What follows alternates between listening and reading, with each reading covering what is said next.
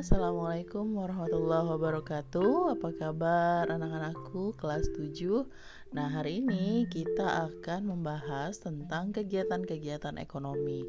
Apa saja yang masuk dalam kategori kegiatan-kegiatan ekonomi? Nah eh, mohon disimak baik-baik ya.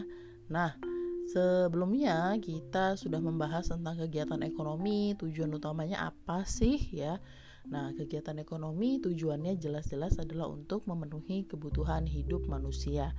Nah, dalam kegiatan hidup eh, dalam kegiatan ekonomi eh, kita sehari-hari ada tiga kegiatan utama yang dilakukan baik secara sadar maupun tidak sadar ya secara sadar itu ya karena kita memang menginginkan hal tersebut gitu. Kemudian eh, yang secara tidak sadar kita mungkin melakukan tapi kita tidak tahu itu masuk ke dalam jenis apa. Nah eh, ketiga hal kegiatan ekonomi ini kita bagi menjadi produksi distribusi dan konsumsi. Nah yang pertama adalah kegiatan produksi, yaitu kegiatan menghasilkan barang atau jasa Kegiatan ini juga bisa digunakan untuk menambah nilai guna suatu barang atau jasa. Misalnya, menambah nilai suatu barang seperti kayu ya. Kayu yang memiliki nilai ekonomis atau nilai jual kalau hanya e, gelondongan kayu saja atau kayu yang baru ditebang mungkin nilainya tidak seberapa. Tapi berbeda lagi ketika kayu tersebut sudah dibentuk dan memiliki fungsi misalnya dibuat lemari atau dibuat kursi atau dibuat furniture lainnya maka nilai jualnya akan lebih tinggi dibandingkan dengan nilai e, asalnya. Begitu itu adalah kegiatan produksi. Kemudian kegiatan distribusi adalah kegiatan menyalurkan barang atau jasa dari produsen ke konsumen Nah, bagaimana barang yang sudah dihasilkan tadi bisa sampai ke tangan konsumen dengan aman ya, dengan aman dan dapat digunakan. Nah, ini adalah tugas dari distributor atau kegiatan distribusi tadi. Kemudian, kegiatan selanjutnya adalah kegiatan konsumsi, yaitu kegiatan yang paling sering kita lakukan, yaitu menggunakan atau menghabiskan nilai guna suatu barang atau jasa.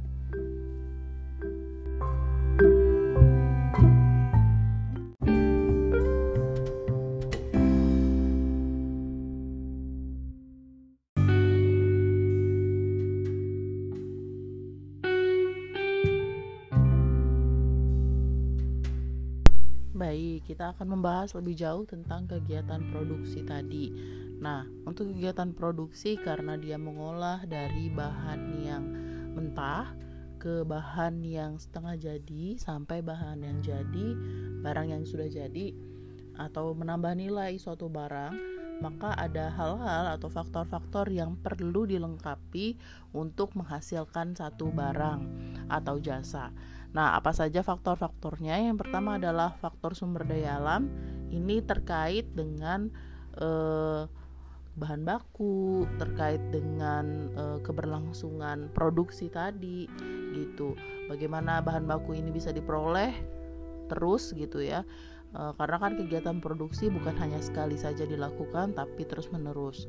Kemudian yang kedua adalah faktor tenaga kerja ya tenaga kerjanya atau karyawannya yang bagian produksinya tadi sampai kemudian nanti dipasarkan nah ini adalah yang bertugas mengolah e, bahan baku ya atau mengolah lahan ya sehingga menjadi barang atau produk yang bisa dihasilkan Nah, nanti untuk tenaga kerja ada tenaga kerja terdidik, ada tenaga kerja terlatih, ada tenaga kerja tidak terlatih dan tidak terdidik gitu. Tapi sesuai dengan kebutuhan dari kegiatan produksi yang akan dilaksanakan. Kemudian yang ketiga adalah faktor modal. Nah, modal ini sesuatu yang cukup penting juga.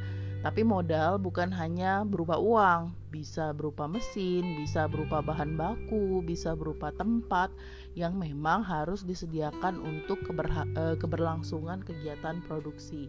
Yang keempat adalah faktor kewirausahaan. Faktor kewirausahaan ini adalah faktor yang mengatur ya mengkombinasikan segala faktor-faktor yang uh, sudah kita sebutkan tadi nah supaya bisa digunakan untuk uh, keberlangsungan kegiatan produksi baik itu merencanakan, mengorganisasikan, mengarahkan hingga mengendalikan usaha tersebut ini yang harus dimiliki oleh e, pemilik usaha produksi. Begitu. Baik. Nah, dalam kegiatan produksi ada bidang-bidang usahanya ternyata. Nah, di Indonesia dan di eh, negara-negara lain e, keempat hal ini, keempat bidang usaha ini banyak ya, banyak-banyak e, banyak sekali jenisnya. Yang pertama bidang usahanya adalah bidang usaha ekstraktif. Nah, bidang usaha ekstraktif ini terkait dengan eh, pengambilan atau pemanfaatan sumber daya alam yang diambil secara langsung dari alam. Contohnya, kegiatan penambangan, penangkapan ikan, kemudian eh, pengambilan eh, batuan atau misalnya pasir, atau tambang emas dan lain sebagainya. Nah, ini yang tinggal ambil di alam sehingga eh, kemudian diolah dan dijual lagi ke pasaran. Selanjutnya adalah bidang usaha agraris yaitu kegiatan mengolah tanah. Nah, baik itu berupa perkebunan atau pertanian, di Indonesia sangat banyak sekali jenis bidang usaha agraris. Nah, jadi hmm, beragam mulai dari pertanian, sawah, kemudian juga buah-buahan, sayur-sayuran, rempah-rempah, umbi-umbian, pal palawija. Nah, banyak sekali yang memang bisa dikembangkan dalam bidang usaha agraris. Bidang yang ketiga adalah bidang usaha industri. Nah, industri ini adalah usaha mengolah bahan e, mentah atau barang-barang mentah menjadi setengah jadi, kemudian diolah menjadi barang jadi. Misalnya, uh, industri kertas mengubah bubur kertas ya menjadi kertas, kemudian bisa dipasarkan ke seluruh wilayah di Indonesia maupun ke mancanegara. Kemudian uh, pengolahan tekstil ya, bagaimana dari kapas atau dari bahan-bahan sintetis kemudian dibentuk ya menjadi benang. Kemudian dari benang diolah menjadi kain, dari kain kemudian diolah lagi menjadi pakaian atau kebutuhan lainnya.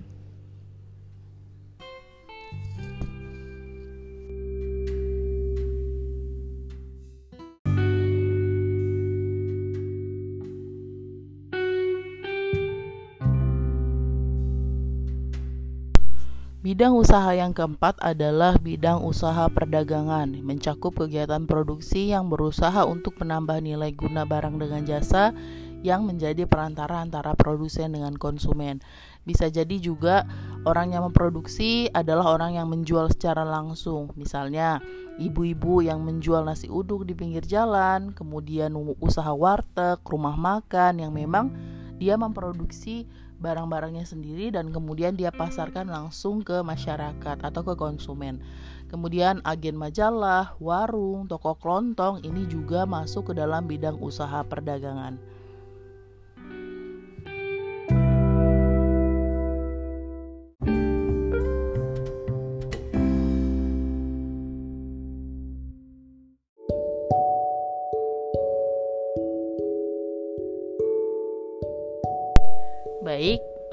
Kegiatan yang kedua adalah distribusi. Nah, untuk kegiatan distribusi ini yang akan saya tambahkan adalah tentang jenis-jenis distributor atau pihak-pihak atau orang atau lembaga yang menyalurkan barang dengan skala yang berbeda. Mulai dari pedagang besar yang menjual dalam skala yang besar ya, yang bukan menjualnya satuan tapi dalam e, partai besar kemudian pedagang kecil atau retail ya, kemudian perantara. Nah, untuk pedagang besar atau pedagang grosir ya atau pedagang eh, skala besar ini menjualnya dari produsennya atau dari pabriknya secara langsung, membelinya langsung ke pabriknya, lalu menjual kembali kepada pedagang retail atau pedagang kecil. Nah, Uh, untuk jenis ini atau masuk ke dalam pedagang besar ada importir, eksportir, dan grosir. Ini termasuk ke dalam jenis pedagang besar. Kemudian pedagang kecil atau retail, distributor yang membeli barangnya secara tidak langsung dari pabrik tapi melalui pedagang besar. maka disebut sebagai pedagang kecil atau retail. Pembelian biasanya dilakukan dalam jumlah yang lebih kecil daripada yang dibeli oleh pedagang besar dari produsen, misalnya per e, lusin atau per kodi. Nah, itu dia membelinya dari nah kemudian dijual lagi ke konsumen dalam bentuk satuan. Nah, untuk pedagang kecil ini bisa berupa minimarket, warung, kios atau pedagang-pedagang asongan yang ada di pinggir jalan itu masuk ke dalam pedagang kecil. Selanjutnya adalah perantara. Nah, jenis perantara ini sebenarnya ada banyak. Ada agen, ada uh, nah, yang sering sekarang banyak digandrungi ya atau banyak orang-orang yang memanfaatkan perantara ini adalah just tip ya atau jasa titip.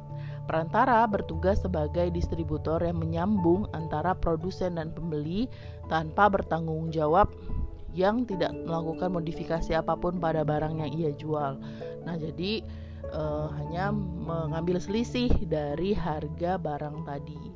Begitu. Nah, ini adalah tiga jenis dari distributor yang ada di Indonesia.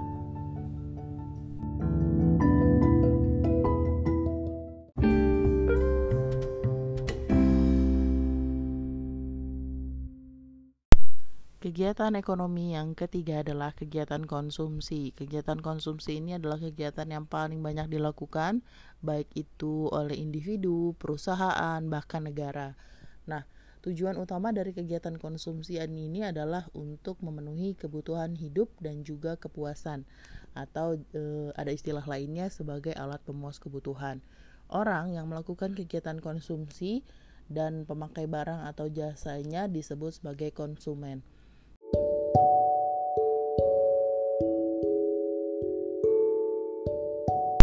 Manfaat dari kegiatan konsumsi yang pertama adalah konsumen dapat menikmati barang atau jasa dari produsen. Yang kedua adalah kebutuhan jasmani dan rohaninya terpenuhi sehingga dapat memenuhi kebutuhan dan mempertahankan kehidupannya. Yang ketiga, barang yang diproduksi oleh produsen dapat laku terjual sehingga menghidupkan kegiatan ekonomi atau terjadi perputaran ekonomi. Yang keempat, konsumen dapat menikmati atau merasa puas jika sudah membeli atau menggunakan barang atau jasa tersebut yang diinginkan dan bermanfaat sebagai sarana pemenuhan sandang, pangan, dan komunikasi serta kebutuhan-kebutuhan dasar lainnya. Nah, kemudian yang terakhir adalah menumbuhkan rasa bahagia karena bisa mendapatkan barang yang diinginkan, baik itu yang memang e, sudah lama diinginkan ya, e, atau yang sudah lama dibutuhkan.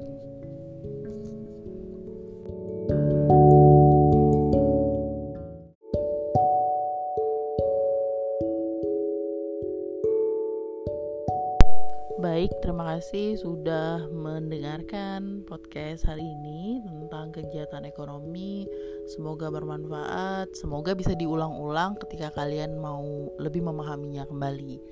Gitu. Terima kasih. Kita akhiri dengan membaca hamdalah. Wabillahi taufiq wal hidayah. Wassalamualaikum warahmatullahi